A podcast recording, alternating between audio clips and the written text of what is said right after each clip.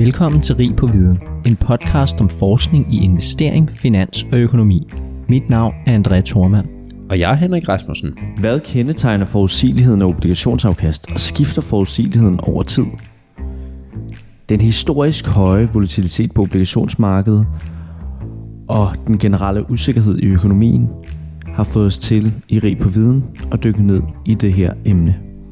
Vi har inviteret ekspert på området, Daniel Borup, som blandt andet er Senior Algorithmic Trader hos Incommodities og ekstern lektor på Aarhus BSS og har skrevet om det her emne.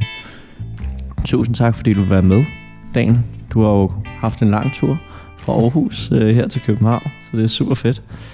Kan du ikke starte med at fortælle lidt om øh, dig selv og din karriere? Jo, tak for, tak for muligheden. Jamen, øh, jeg er aktuelt øh, en del af et team, der hedder Quantitative Solutions øh, hos øh, energihandleren In Commodities. Øhm, og så har jeg en, en, en forskningsaktivitet ved siden af, øh, i en kapacitet som ekstern lektor hos Aarhus Universitet. Og øh, det er også derfor, jeg sidder her i dag, i den kapacitet, hvor øh, jeg har sådan et, et, et forskningsområde, der knytter machine learning sammen med øh, økonomiske fænomener, og, og prøver ligesom at, at anskue det i en, en prædiktiv kontekst.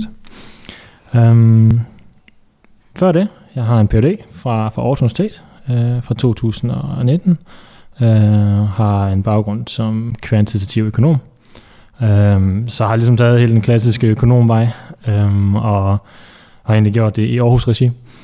Øhm, og så har jeg haft nogle få afstikker undervejs øh, i industrien. Et par år på, på råvarerbordet i øh, Jyske Bank, og, og et smut til, til Goldman Sachs undervejs.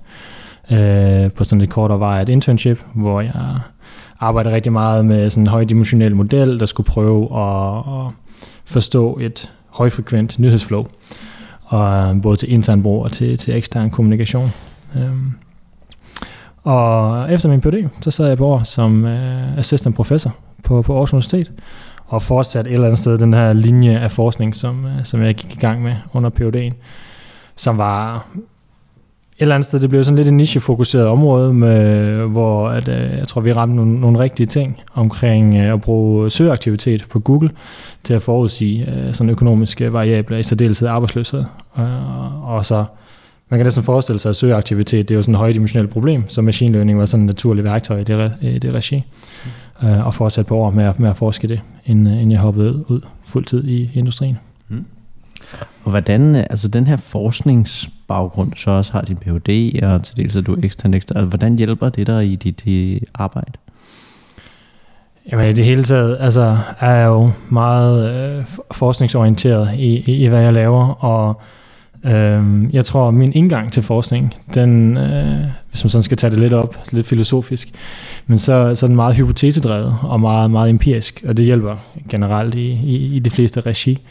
Øhm, men det der med at, sådan at gå, gå til forskning, øh, specielt når du sidder også i, i en forskningsstilling, som, øh, som hypotesedrevet er, er en, i hvert fald i min optik en sund måde at gribe det an på, fordi det du gør, det er, at du, du tager øh, økonomisk teori, finansiel teori som et udgangspunkt, og så lader du ligesom guide din intuition, hvor du opstiller et sæt af hypoteser, og så kigger du i dataet og finder ud af, okay, jamen, kan jeg på en eller anden måde finde evidens i data, der understøtter den hypotese, jeg har.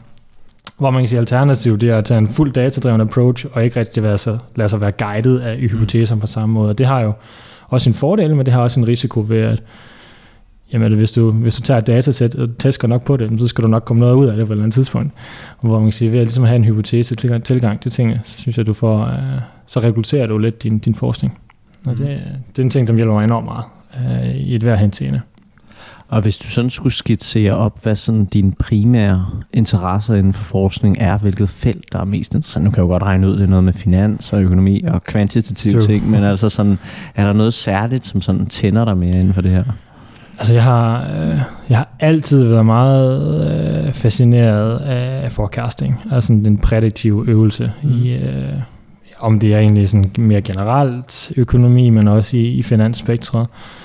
Og jeg tror, altså der er flere årsager til det. Øhm, den ene årsag er, at det har jo en praktisk relevans. Altså i den forstand, at hvis du er god til at forecaste, jamen så øhm, om det er investeringsøje med, jamen så er det rimelig, rimelig nyttigt at, at, at kunne sige noget om, hvad der skal ske i fremtiden, men også hvis du skal tage beslutninger omkring øh, policy, øh, eller hvis du sidder i en virksomhed og, og skal håndtere lager.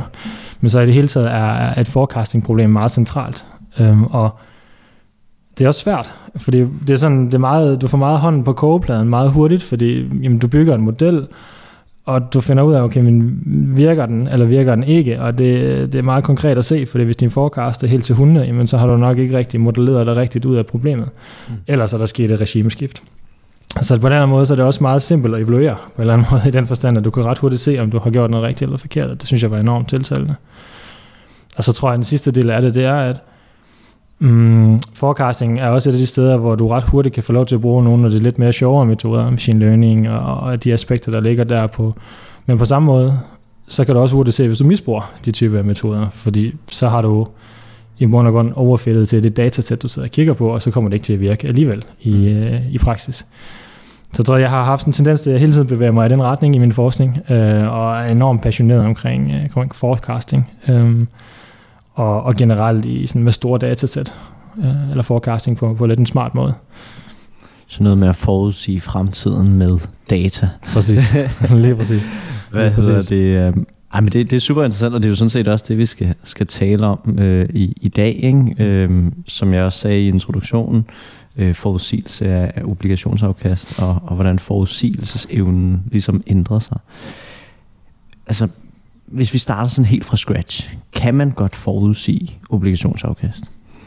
Altså det, det er virkelig et godt spørgsmål, uh, og jeg tror, det mest præcise svar er paradoxalt nok, uh, it depends. sådan, Som alt i forskning. ja, ja, that's true. Nej, men det, altså, forudsigelse af afkast er i sin helhed svært, men det afhænger det afhænger af utrolig mange valg, man træffer i sådan et studie, for at egentlig kunne svare på det. Og det afhænger af den horisont, du kigger på, og hvilken du gerne vil forecast. Det afhænger af, hvad mener du med forudsigelighed? Hvad er, hvad er dit benchmark, kan man sige? Hvad er det i obligationsafkast, der er det typisk øh, sådan forventningshypotesen, der, der guider dig, det vil sige konstant afkast, som er dit benchmark. Men øh, i valuta forecasting, jamen der er det noget andet, der er det typisk en, en random walk, øhm, og i aktieafkast, der er det lidt en mellemting. Øh, så det afhænger af det benchmark, du sætter. Det afhænger af, hvordan du evaluerer det. Øh, har du en forventning om, at du skal kunne forudsige hele tiden over alle kan man sige, stadier af, af økonomien? Eller, eller kan du acceptere, at det måske kun i nogle stadier, hvor du kan forecaste, andre du ikke kan? Og, og hvis, hvis det er et scenarie, jamen så, øhm, så kan det godt være, at den metode, du vurderer, om du kan forecast på, egentlig slører lidt det billede tænker, det er noget af det, vi kan komme til at snakke om lidt senere. Ja, lad os lige få styr på de her begreber, for nu sagde du to ting i forhold til benchmarken, konstant afkast og random walk. Kan du prøve sådan lige at forklare, hvad, hvad det går ud på? Jamen, altså en, en, en random walk, den siger et eller andet sted, at øh, det bedste bud, du har på, øh, på lad os sige, prisen i den næste periode, det er det prisen er i dag. Og, og, og det man typisk arbejder med i benchmark i obligationsafkastlitteraturen, jamen det er, at man en, et eller andet sted en trend i, i prisen. At, øh, at hvis der har været et, et positivt afkast nu, jamen så venter vi, at der er et positivt afkast i, i næste periode. Mm. Så det minder selvfølgelig lidt om hinanden, men, men, men spørgsmålet er, om det er i prisen eller med afkastet, der sted har en konstant forventning. Og så er der så konstant afkast? Ja, det konstante afkast, det er øhm, det, vi kalder typisk forventningshypotesen, hvor at øhm, ændring, du har set i den seneste periode, jamen den er det, vi forventer, der sker igen i den, i den næste periode. Øhm, og er et naturligt, kan man sige, benchmark for at sige, jeg kan ikke rigtig forecast ret meget. Mm. Øhm, så man kaster lidt håndklædt i ringen og siger, okay, men det, det jeg ser nu, det er nok mit bedste bud på, på fremtiden. Okay, okay, interessant. Ved man noget om, hvis vi tager det her horisontperspektiv, og sådan tidligere litteratur og så videre, er man bedst til at, hvad kan man sige, forudsige afkast på kort sigt eller på lang sigt? Det er igen et rigtig godt spørgsmål. um, og altså, det jeg har beskæftiget mig med, er, er, er, er primært på, på den korte ende, som vil sige, altså en, en måneds tid ud i tiden.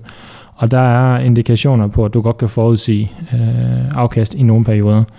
Øh, en af de store udfordringer er, at så snart man begynder at snakke forudsigelighed på, på, på længere sigt, lad os sige et, et år ud i tiden, jamen der, der begynder også at være nogle, øh, nogle udfordringer på de metoder, man bruger til at evaluere, hvorvidt du kan forudsige eller ej. Øhm, uden, at, uden at gå for meget ind i de tekniske detaljer, jamen så er der en, sådan en nyere, nyere litteratur i forskning, som, som peger på, at, at, at noget af det, vi har set tidligere i forskning, jamen det er måske lidt skævt, fordi der blev anvendt nogle statistiske metoder, der ikke var fornuftige i den kontekst, som har draget nogle forkerte konklusioner. Øh, så lige nu er det, der er det sådan lidt op i the air rent faktisk, i forhold til, om, om man egentlig kan forudsige på, på lad os sige, et år ud i, i fremtiden. Mm. Og, og det her det er sådan lidt et, måske lidt et tillægsspørgsmål i forhold til det, du sagde der, fordi at Altså, hvad, man hører jo nogle gange den her sætning, hvad er det, øh, obligationer, uh, science og aktier, altså fairy tale og mm. sådan noget, ikke? Altså, øhm, jeg tænker, at forskningen har ret stor betydning øh, for det her. Altså, hvis man finder ud af, at et eller andet målepunkt gør, at man kan forudsige obligationsafkast bedre eller dårligere, eller man finder ud af, som du sagde før, at man har gjort noget forkert, så har det en relativt stor betydning for, hvad kan man sige, øh, den måde, man bruger det på ude i praksis, øh, fordi at øh, fordi det er science, ikke? Mm. Altså, vi kan måle ret præcist øh, obligationer i, i forhold til aktier. Er det, er det rigtigt? Jamen, jeg ved ikke, om, om, om det som sådan er rigtigt eller, eller, eller forkert. Øhm, jeg tror, det der måske kan have været med til at, at, at danne det der statement der, det er lidt, at man har haft tidligere i hvert fald en, en, en meget lavere øh, volatilitet på, øh, på obligationsafkast, end du har haft på aktieafkast. Og aktier øh, har jo også sit ry for at være drevet meget af sådan sentiment og, og følelser, øh, hvor, hvor obligationer nogle gange øh, kan sættes lidt mere på formel, føler man. Jeg tror, det er det, der driver det lidt. Mm. Øh, man kan så sætte spørgsmålstegn ved det, givet det nuværende, øh, om, om obligationer måske ikke også hører samme, samme kasse. Øh, men, øh, men det skal jeg ikke være herover. Nej, det leder mig egentlig til det næste spørgsmål, som er, at altså, kan man sige noget om, det er lige så nemt at forudsige obligationsafkast, når det går op, som når det går nedad i økonomien? Jamen det er jo en af de ting, vi faktisk har kigget på, og, og, og det som sådan den seneste forskning her peger lidt på, det er, at hvis du er i, i stadier af økonomien, hvor øh, det går godt, og øh, usikkerheden generelt er sådan en smule lav, så, så er der i hvert fald indikationer af, at det er sådan de helt traditionelle, simple metoder til obligationsafkast, jamen de virker rent faktisk okay. Øhm, hvorimod, hvis du tager det modsatte scenarie, hvor, øh, hvor der er enormt meget usikkerhed i, i økonomien, og, og det generelt går lidt nedad, jamen så, så er det faktisk Øh, frugtbart at egentlig sige, jamen ved du hvad, jeg vil ikke rigtig gøre et forsøg, fordi det er så svært at forudsige tingene lige nu, at jamen, så er det bedre at, at bare kigge på, hvordan det er i dag, mm. øhm, og så, så holde sig til det, og så vente til, til tingene, det sådan lidt falder til ro igen. Mm. Så der er også lidt sentiment ind over det der, ikke? altså det er der jo jo. Ja. Altså man kan sige, kvæg økonomisk usikkerhed, det er jo sådan lidt en, det er en latent fluffy størrelse, kan man sige, og, og, og usikkerhed er jo en, en knytter sig til noget sentiment. Så, altså bestemt jo. Mm. Og øh, vi, vi skal tale om det, det papir, I har skrevet lige om lidt, men, men inden da har jeg lige et sidste spørgsmål, og det er i forhold til, sådan, hvad for nogle værktøjer bruger man traditionelt til at lave de her forudsigelser? Jeg tror... Øh, Målepunkter, hvis man kan sige det sådan. Ja. Altså der er sådan, når man snakker forudsigelse, så har man i hvert fald to valg, man skal træffe. Man skal, man skal vælge, hvad er det for noget information, jeg vil bruge som har en eller anden form for forudsigelseskraft i fremtiden. De variable, man ligesom bruger til at prøve at forudsige noget med. Og så skal man, man skal man vælge den metode, som man så vil bruge til at hive informationen ud af de her variable, og i sidste ende konstruere det her forecast eller den her forudsigelse med. Øhm, og i forhold til det første punkt omkring den information, man typisk har brugt, så har man kigget på, øhm, på rentespænd, øh, forskelle i nogle i, i forwards på, på rentemarkedet. Øhm, man, har, man har taget faktorer og komponenter ud af hele rentekurven, som ligesom forsøgt at beskrive den i, i få punkter, og ligesom brugt det til, til at prøve at forudsige bevægelsen af obligationsafkast. Og den typiske effekt har været at så sætte det ind i en, en, en univariat øh, regressionsmodel, så du har typisk en eller meget få variable på, på højre siden af dit problem, øhm, mm. og så har du så afkastene på, på venstre siden af dit problem. Øhm, og det kommer altså af nogle, nogle teoretiske argumenter tilbage i tiden fra øh, Campbell Schiller og nogle, nogle makroøkonomiske typer af betragtninger, øh, som, som ligesom har et fundament i teori, øh, så de er motiveret af det. Øh, men, men de har haft en udfordring, og de har en tendens til ikke at prædiktere super godt. Så man har kigget lidt andre veje, og, og det du ser på den seneste forskning er, at at machine learning er ligesom kommet ind som, som uh, the new kid on the block, og mm. øhm, fordi sættet af information er bare blevet større og større, uh, og, og det gør, at man har brug for metoder og værktøjer, der kan håndtere det på en bedre måde. Og, og der har man fundet en, nogle forbedringer uh, over de traditionelle metoder. Um, og er et sted, hvor man mener, okay, jamen, der er en form for forudsigelighed. Mm. Uh, Hvad hedder det? Lad os, lad os gå til, til jeres papir, øh, du har skrevet sammen med øh, Jonas Eriksen, Mads Kær og, og Martin øh, Tyrskov. Og det har egentlig en meget fed titel, øh, der hedder Predicting Bond Return Predictability. Måske for at starte der.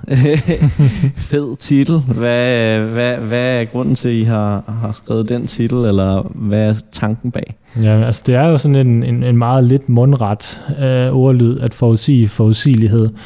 Men jeg tror, øh, det, det, det kom sig af helt originalt, at øh, der i et af de her forecasting-studier, så, så observerede vi, at, at den grad af forudsigelighed, vi ligesom kunne se af afkast, jamen det varierede lidt hen over tid. Øhm, der var sådan lidt i perioder, hvor vi kunne se, okay, her ser det ud som om, vi kunne forecast ret godt, og der var andre perioder, hvor vi ikke kunne forecast ret godt. Og så, øhm, så tænkte vi, okay, men vi vil gerne have et et teoretisk belæg for at ligesom undersøge det. Det er den ene del af artiklen, og den anden del af artiklen var at sige, okay, men hvis det er sandt, kan vi så på en eller anden måde udnytte den information til faktisk at forbedre vores forecast. Øh, og så blev det i sidste ende øh, det her med at, ligesom at prøve at forudsige, hvornår der er forudsigelighed i obligationsafkast, og dermed den, øh, den lidt famøse titel. Okay, ja, men, men det giver mening. Lad os, lad os tale lidt om, hvad det, hvad det handler om, sådan, hvis du, du går lidt dybere og, øh, mm. og forklarer det overordnet. Jamen, de, de byggede på den grundlæggende hypotese om, at forudsigelighed ikke er konstant. Mm. Øhm, og vi stillede så spørgsmålet kvæg den sådan lidt øh, traditionelle tilgang til tingene, hvor der var alligevel en, en større række af, af, af modeller, forskellige modeller, forskellige variable, som kunne indgå i det her problem. Og det var ikke helt klart, hvilket der virkede, og hvornår de virkede. Øhm, og hvis vi ligesom kobler de her to ting sammen med, måske er forudsigelighed konstant, og vi har et større sæt af modeller, så havde vi lidt en interesse i at prøve at forstå, kan vi, kan vi adskille de her modeller fra hinanden øh, på en statistisk fornuftig måde. Og, og, og hvis vi kan det, betinget på en eller anden form for information, hvor vi er i. Altså betinget på, om vi er i et øh, økonomisk boom, økonomisk recession, om vi er i et meget usikkert miljø, øhm, og en forventning om, at det ligesom kunne være med til at, at informere omkring, hvornår nogle modeller kunne virke, og hvornår nogle ikke kunne virke. Mm. Øhm, så havde vi interesse i at sætte sådan et teoretisk framework op for det, statistisk mm. framework op for det, der ligesom kunne adskille modellerne fra hinanden. Og, øh, og så vil vi rigtig gerne kunne sige, men okay, nu står vi i dag, vi observerer, hvordan økonomien ser ud, vi observerer det, den grad af usikkerhed, der er i økonomien, og vi har ligesom lært, hvilke metoder, der fungerer i det her type af stadie. Men så begynder vi jo sådan at skue fremad i tid, og så siger okay, men nu har jeg måske en forventning om, at den her type af modeller, de er rigtig gode til at forudsige lige præcis i det her miljø.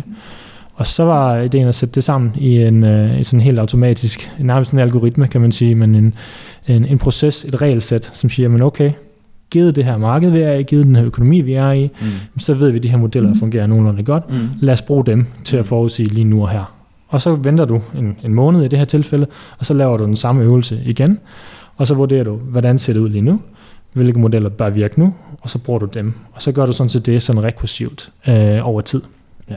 Øhm, det er sådan den overordnede tese, hvor går i papir. Så er der en række af, af implikationer, som vi, vi kigger ind i. Men det var sådan den grundlæggende hypotese, og, og som viser, og, og den grobund for obligationsafkastanalyse, men er også noget, som man ser i, i aktieafkast og i valutaafkast for den sags skyld. Ja. Så, så hvis man skal sige det basalt set, så er der nogle ting, der virker godt, når for eksempel markedet stiger, og nogle, eller nogle modeller, mm. der virker godt, når markedet stiger, og nogle modeller, der virker godt, når markedet falder. Og hvis det er rigtigt forstået, og, og, og så går I ind og ligesom har en, en fleksibel approach til at mm. skifte med modelleringen, så at sige, ja. over tid, øh, ja. i, i takt med, at økonomien øh, skifter. Ikke?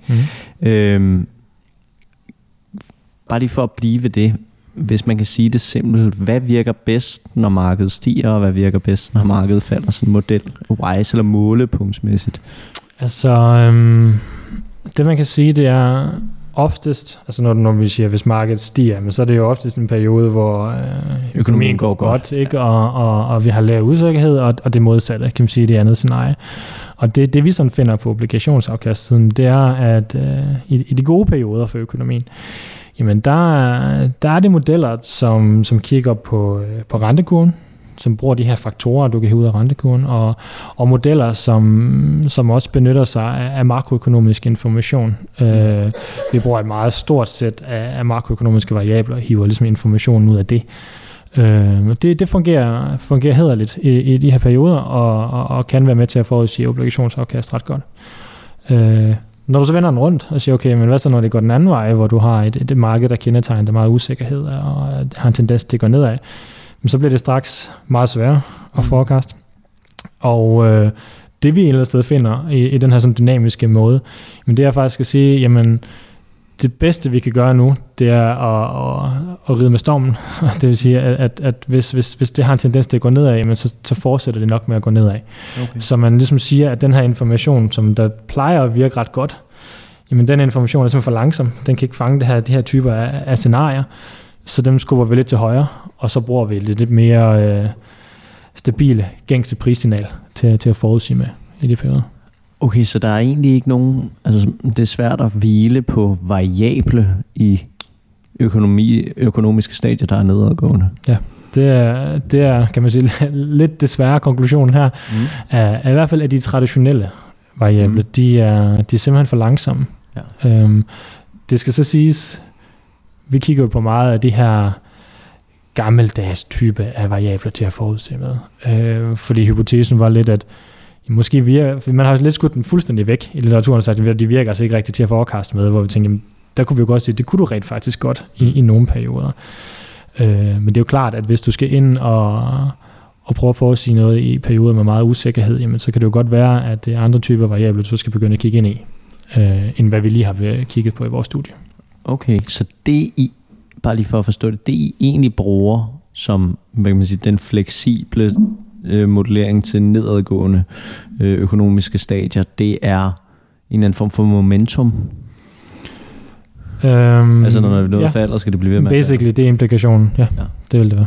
Okay, og det, det, det er ret interessant, for det er jo sådan, tænker jeg sådan, i hvert fald akademisk vel sådan lav efficiens tankegang, at sige, det, der skete i går, skal forklare det, der skete. Det er sådan en historisk prisinformation mm. har en eller anden form for forudsigelseskraft. Mm. Øhm, hvad tænker du om det? Er det, det, det er et problem, eller det, det viser sig at virke, så derfor... Altså for mig er det, det er jo, øh, hvis det er det data, det viser sig, det er så fint. Okay. det, det har som sådan ikke noget problem med. Altså det, det er det, studiet viser. Det er det, øh, helt agnostisk data indikerer. Øhm, som sagt, jamen, øh, man kunne godt fortsætte at grave dybere, og så sige, okay, men kan vi, kan vi finde variabler, der ligesom kan hjælpe i de her perioder? Og der, der, det er der sandsynligvis noget, der kan. Øh, det var ikke opgaven her, kan man sige. Opgaven var at, at finde ud af noget om det traditionelle, om det virker i nogle perioder, hvor svaret var ja. Mm. Øhm, jeg er ret overbevist om, at der ligger information derude, som, som kan bruges i, i, i de nedadgående scenarier øh, med høj usikkerhed. Mm. Øhm, og, og der er også forskning, der kigger ind i det. Øhm, mm. Men der er ikke noget, som, som vi har gravet dybere i. Okay, det er, det er ret interessant. Og har det her, det, det siger du, det har, ikke? Men, men jeg tænker bare, har det her mere at gøre med graden af volatilitet på markederne end retningen? Jeg tror helt sikkert, det har en relation til, til graden af volatilitet i markedet. Øhm, og det er jo, altså, selv sagt, hvis du kigger på et, øh, et, et forudsigelsesproblem, at, at hvis det, du gerne vil forudsige med, er sådan rimelig stabilt, øh, ikke udviser voldsomt meget volatilitet relativt til det, du gerne vil forudsige, så kan man jo næsten sige sig selv, altså er det lidt svært at bruge det i den periode, hvor der er meget volatilitet. Så, så selvfølgelig har det en relation til det. Så man kan sige, hvis man skal begynde at lede, så skal man begynde at lede et sted, hvor der er noget, der udviser meget volatilitet i de her perioder, hvor, hvor aktieafkastene, eller obligationsafkastene, eller valutaafkastene også udviser meget ja. volatilitet. Så der er en chance for, selv i opadgående øh, markeder, eller, eller stærk økonomiske stadier, eller hvad, mm. hvad man siger, så kunne momentum egentlig også være ret godt. Det kan jeg ikke afvise. Det, jeg kan hverken svare ja eller nej til det. Det jeg i hvert fald bare kan se, det er, at, øh, øh, at variable, som, øh, som traditionelt øh, har været foreslået i litteraturen til at forekaste med, men empirisk desværre ikke har været så gode, mm. virker lige præcis i det stadie. Den nuværende situation, hvad kan man mm. sige, har der jo været ret meget sving øh, på, på, på de her markeder, ikke? Mm. især på, på obligationsmarkedet. Det er lige pludselig blevet lidt tvivlsomt, hvor stabile de her afkast ja. er. Ikke? Øhm, er det noget, som bare bekræfter jer, sidder i sådan lidt og selvfølgelig det voldsomt, men klapper i hænderne over, at øh, nu får vi ret? Altså nej, jeg vil sige, at det, det er jo en situation, som vi ikke klapper i hænderne over, men, men jeg vil sige... Akademisk. Det, akademisk, men, men, men, det, men, det stemmer, men det stemmer muligt lidt, lidt, lidt overens i hvert fald med, med nogle af de resultater, vi har i, i papiret, og det er jo meget interessant, når man har lavet det studie, som jo altså vi, vi, har jo, vi har jo publiceret artiklen for lidt tid siden, øh, så er det jo interessant at se, hvordan det egentlig tager sig ud i virkeligt autosample, kan man sige, en periode, som vi jo ikke kunne, kunne have brugt i, i vores datasæt. Vi kunne ikke på nogen måde have, have, have lavet nogle resultater baseret på det data, vi ser lige nu, fordi det jo, er jo altså natur først kommet efter, vi har lavet vores studie. Øhm, så det er en enormt interessant mulighed for os egentlig at, at se, hvordan de her ting, vi har arbejdet på, egentlig tager sig ud øh, i en periode, hvor vi ikke kunne have snydt, quote on quote, kan man sige, og have, har brugt forward-looking info. Øhm, så det er sindssygt spændende. det er enormt spændende. Øh, og indtil videre peger det der retning af, det vi har lavet er, er nogenlunde rigtigt. Og lad os lige tage fat i det her med out of sample, fordi det er også noget, I skriver om mm. i, i jeres papir. Lad os til at starte med de, altså det er vigtigt at få det her forklaret. Man siger, dem der lytter, det er sådan en akademisk ting, jeg taler om out of sample. Så hvad er det, og, og hvad kan man sige, hvorfor er det vigtigt, mm. at det virker out of sample? Så out of sample er, en, en test out of sample er i, et setup, hvor du ligesom pseudo-simulerer, hvordan du har lavet din forecast tilbage i tiden.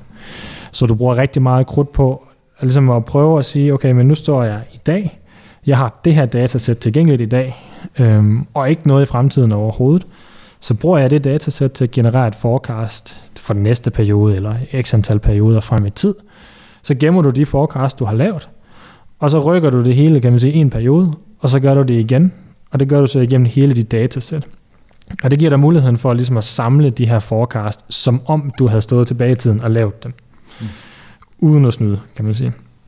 Men nu siger jeg så pseudo-simulere, fordi det er jo klart, at uanset hvad vi gør, når vi står i dag, så har jeg jo set data. Altså jeg, har, jeg kan ikke undgå at have set det. Jeg har ligesom levet igennem perioden. Så om vi ved det eller ej, så er der en lille snært af, jamen vi ved jo godt, hvad der er sket. Vi ved jo nok også godt nogenlunde, hvad der virker og ikke virker, fordi vi har set data, selvom vi prøver at opføre os 100% ordentligt, når vi, når vi laver den her simulering. Mm. Øhm, men en autosample test er ligesom et forsøg på at komme så tæt på som overhovedet muligt på, øh, på det princip. Og så tager man simpelthen de forecast, man har genereret, holder dem op imod de realiserede, kan man sige, punkter, og så kan man lave nogle statistiske tester og vurdere, hvor, hvor tæt var vi sådan set på. Øh, man kunne bruge det i investering. Øh, man kan lave økonomiske analyser ovenpå det. Øh, og på den måde få nogle indsigter i, hvordan de så højst sandsynligt vil virke i fremtiden. Og det er så også der, hvor jeg er sindssygt excited over nu, at se uh, de datapunkter, vi får ind, fordi de giver ligesom en mulighed for at, at forstå de modeller, vi har lavet endnu bedre, uh, uden på nogen måde at have et pseudo-element af det, fordi mm. det er jo faktisk, kan man sige, rigtig forecasting.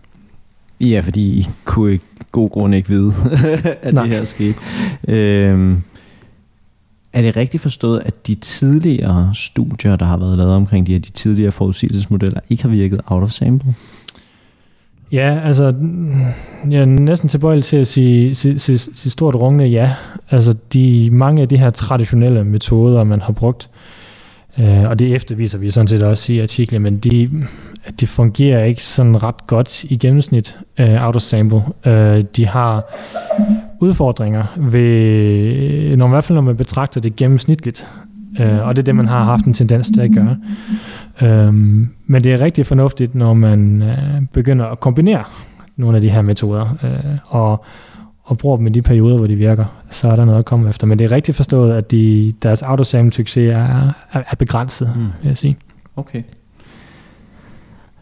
Lad os lige tage key takeaways fra den her, øh, hvad hedder det, artikel, øh, dagen. Hvad, I har jo, jeg mener, at I skriver, I har sådan fem forskellige, hvad kan man sige, contributions, ikke? Ja. Sådan, hvad, hvad er det vigtigste at tage med i den her artikel? Der måske hvad er nogle af implikationerne? Jeg tror, kernen i det, det er, øh, lad dig ikke snyde, hvis forudsigelighed ikke er der i hele den periode, du sidder og kigger på. Forudsigelighed er episodisk. Det, det kommer, og det går. Øh, og det kommer og går som en funktion af noget, du rent faktisk observerer. Det vil sige, hvordan det går i, i økonomien, eller hvor usikkert det ser ud. Øh, det tror jeg, det er sådan den hovedbudskabet. Og så, og så en afledt, kan man sige, takeaway er, mm, det giver mulighed for os dermed at forudsige, hvornår du kan forudsige, og bruge det rent faktisk i, i praksis. Så selvom, selvom de metoder, vi kigger på, er super old school, altså der er ikke noget fancy over det på nogen måde, så kan du faktisk øh, forecaste rimelig præcist, øh, og du kan, du kan bruge det i sådan en klassisk porteføljeoptimeringsanalyse, øh, hvor det viser sig, at jamen, du kan faktisk generere ret meget nytte. Øh, du kan forbedre din Sharpe ratios, lad os sige det sådan, mm. ret betragteligt øh, ved at, at bruge de her forecast relativt til, øh, til de traditionelle metoder, og også relativt til metoder, man hidtil har forsøgt at bruge for ligesom at løse det problem, at, at de enkelte metoder ikke virker. Mm. Øhm, og noget andet super interessant er også, at det har også lidt nogle økonomiske implikationer. Øh, nu bliver det højst sandsynligt lidt nørdet, øh, hvis det ikke allerede har været det. Men det har det slet ikke været helt nu.